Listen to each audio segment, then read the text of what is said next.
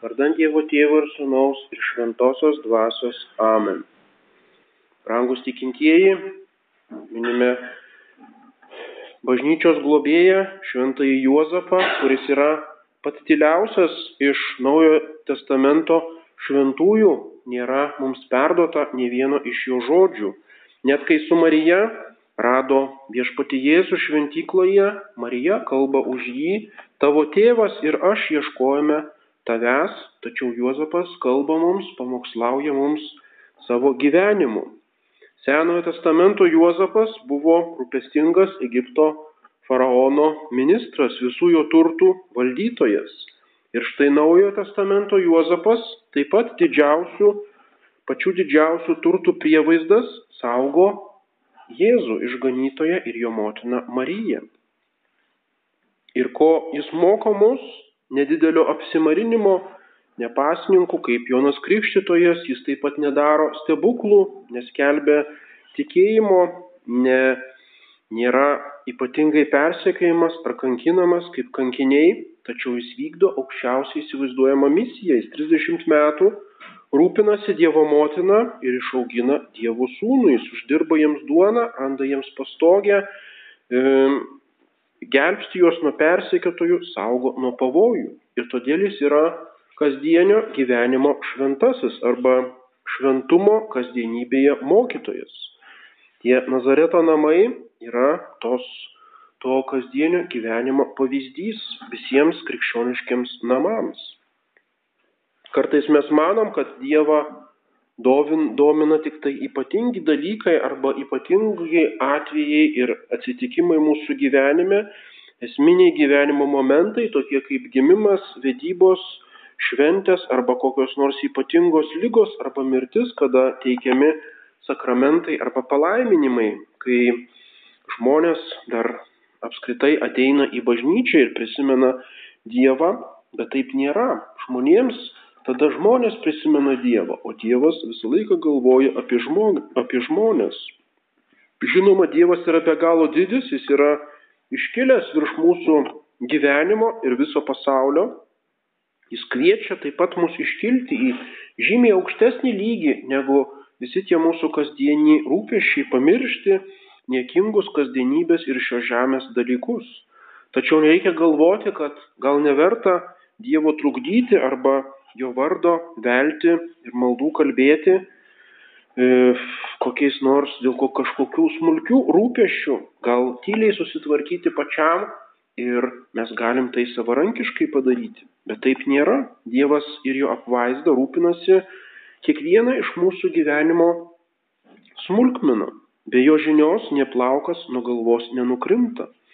Kaip motina rūpinasi kiekvienu savo kūdikio žodžiu, kiekvieną ašarą, judesiu, viskas, viskas jai įdomu apie tą vaiką, taip ir Dievas rūpinasi kiekvienu iš mūsų.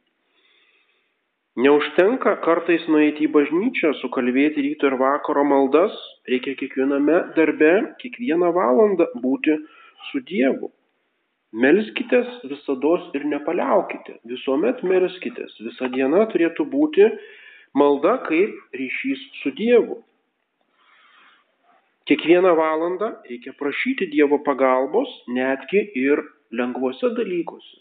Be manęs jūs nieko negalite padaryti. Netgi tai, ką galime padaryti savo natūraliomis jėgomis, tai gali įgauti ant gamtinę vertę tik tai Dievo malonės pagalba. Taigi, kad tie mūsų kasdieniai reikalai būtų mūsų išganimui, tarnautų mūsų išganimui, turime juos įpinti į maldą, turime juos susijęti su malda ir prašyti Dievo pagalbos.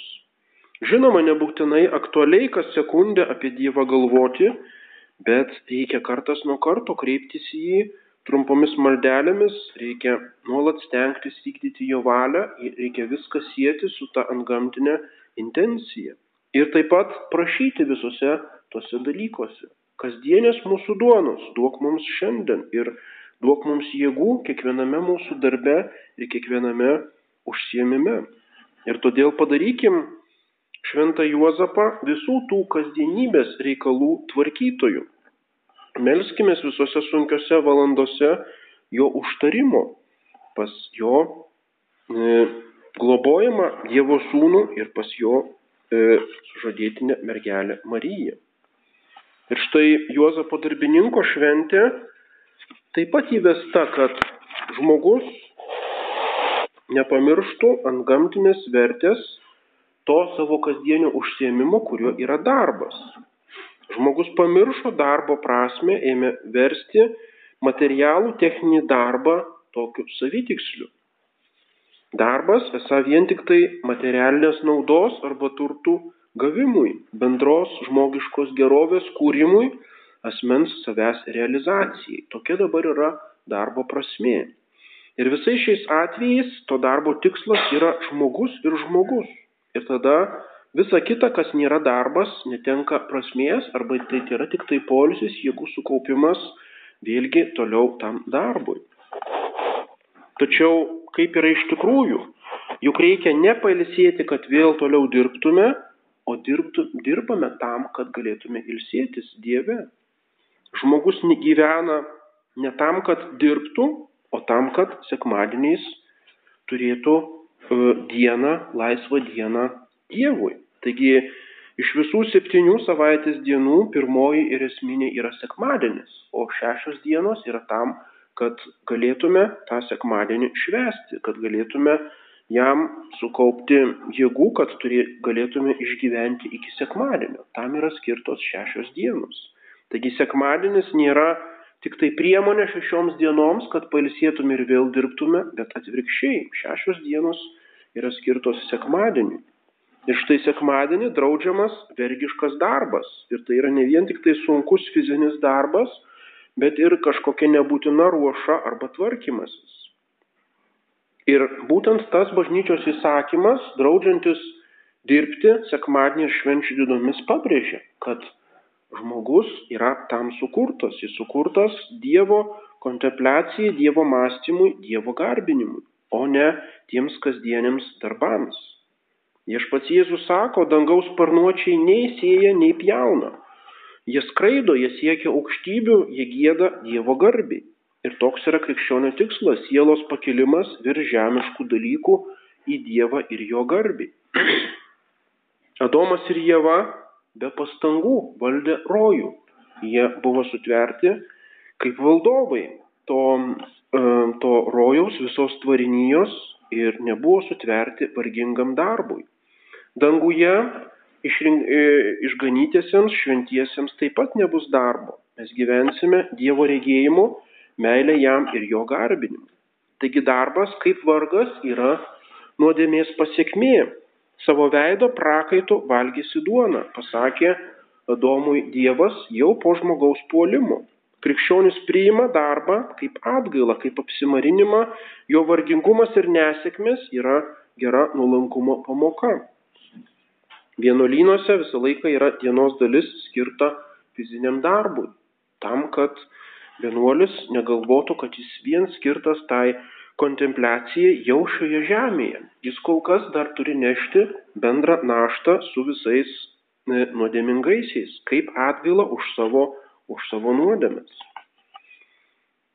Šventasis Juozapas dirbo ne kad praturtėtų, ne kad išvystytų dailidės verslą, ne kad realizuotų savo kažkokius talentus, jis tiesiog nuolankiai priėmė kiekvienam nuodėmingam žmogui skirtą naštą, vienijo ją su malda, su Dievo sūnaus garbinimu, su tarnavimu jam, suteikė tam, kas nėra jo tikslas, suteikė ant gamtinę prasme. Ir tai yra pirma darbo prasmė, tai yra atgaila už mūsų nuodėmes, atgaila už e, bendrą žmonijos nuodėmingumą. Kita darbo prasme yra artimo meilės įsakymo vykdymas. Jokūbo laiške skaitome, būkite žodžių vykdytojai, o ne vien klausytojai apgaudinėjantis patys save. Kas geriau įsižiūri į tobulą į laisvės įstatymą ir jo laikosi, tas tampa nebe užuomaršo klausytojas, o darbo vykdytojas. Tas bus palaimintas už savo darbą. Taigi turime ne tik tai melstis, ne tik tai pripažinti Dievą mm, ir žodžiais išreikšti jam savo meilę, bet įrodyti išoriniais darbais. Ir toliau Jokūbas sako, Tyras ir nesuteptas paklusnumas arba latiniškai religijo, tai yra tyra ir ne, nesutepta religija, yra rūpintis našlaičiais ir našlėmis jų sielvartė ir sergėti save nesuterštą šiuo pasauliu. Tai yra darbo prasmė rūpintis našlaičiais ir našlėmis. Tai yra padėti visiems, kam reikia pagalbos. Tai yra artimo meilės įsakymas. Veiksminga, veiksminga praktiška pagalba. Tikras religingumas neatskiriamas nuo tarnavimo kitiems iš Dievo meilės ir tai būtent yra darbo pašventinimas. Ir trečia darbo prasme yra kūryba. Dievas sutvėrė žmogų pagal savo atvaizdą, o kas yra Dievas? Dievas yra menininkas, kuris šešias dienas kūrė, meistravo visatą kaip nuostabų meno kūrinį ir pats juo grožėjosi, matė, kad visa tai yra gera. Ir nors Dievas darė viską vienu valios aktu, tas kūrimo darbas aprašytas labai žmogiškai mūsų pamokymui. Kadangi septintą dieną Dievas buvo užbaigęs darbus, kuriais buvo užsiemęs, septintą dieną jis ilsėjosi po visų darbų, kuriuos buvo atlikęs. Ir todėl bažnyčios tėvai tą žmogų, kuris yra sutvertas pagal Dievo atvaizdą, vadina mažuoju tvėrėju arba netgi šios žemės dievu. Tai yra tuo, kuris tai, kas yra visai tvarinyje, yra Dievas tvėrėjas tai regimai tvarinyje arba šitam pasauliui iš Dievo malonės yra žmogus. Dievas davė žmogui visą visatą kaip kūrybos lauką. Būkite vaisingi ir dauginkitės, pripildykite žemę ir valdykite ją. Viešpataukite jūros žuvims ir padangių paukščiams ir visiems žemėje judantiems gyvūnams. Viešpataukite, tai reiškia kultūros pagalba, pertvarkykite e, ištobulinkite, pakelkite, suteikite aukštesnę prasme visai tai žemesniai kūrinyjai. Turime kurti, turi, turime statyti šeimą, namus, įmonę, sodą, savo moksleivių, mokinių žinias ir taip toliau. Ir visa tai yra pasaulio tobulinimas ir tolesnis to sutverto pasaulio lyg tvėrimo darbo pratesimas. Tai yra pasaulio puošimas mūsų pastangomis. Bet vėlgi visą tai turi sieti su Dievu, turi tarnauti jo garbiai, turi būti lyg malda atliekama mūsų rankomis, mūsų pastangomis. Ir čia svarbu ne rezultatas, o svarbu intencija. Svarbu, ar matome tai kaip būtent tą Dievo užduoties vykdymą, ar suteikiame tam antgamtinę prasme. Ir todėl visą laiką krikščioniškoje civilizacijoje buvo manoma, kad gražiausi tie žmogaus kultūros kūriniai turi būti bažnyčioje, turi tarnauti Dievo kultui. Visas aukštasis menas, visa tai, ką aukščiausio ir gražiausio ir techniškai tobuliausio žmogus turėjo, jis neždavo į šventyklą, jis neždavo į bažnyčią. Ir techninė, grinai materiali kūryba tik labai tolima prasme atlieka šitą užduotį ir todėl dvasinė kūryba yra nepalyginti vertingesnė ir aukštesnė. Ir kuo tas darbas yra arčiau Dievo arba arčiau bažnyčios, tuo jis prasmingesnis ir vertingesnis. Ir taip, taip kaip e, viduramžių miestuose centre būdavo bažnyčia arba šventovė arba vienuolynas ir aplink ją kurdavosi visa ta miesto bendruomenė, visa ta civilizacija su visais kitais pastatais, statiniais, gatvėmis ir keliais, taip ir dvasinėje srityje pirmiausia buvo religinis, dvasinis darbas, teologija, o paskui buvo filosofija, visi kiti mokslai ir visi kiti dvasinės kultūros darbai. Ir taip iš to Dievo garbinimo, iš to teisingo darbo supratimo kilo teisinga krikščioniškos civilizacijos tvarka. Taigi prisiminkime tą trejopą darbo prasme, kad tai yra atgaila už mūsų nuodėmes, kad tai yra artimo meilės arba mūsų pareigų vykdymas ir kad tai yra kūryba didesniai Dievo garbiai ir tuomet prašykime Švento Juozapo užtarimo visose mūsų dideliuose ir mažose darbuose ir visi jie prisidės prie mūsų ir kitų žmonių išganimo. Amen. Vardant Dievo Tėvą ir Sūnaus ir Šventosios Dvasios.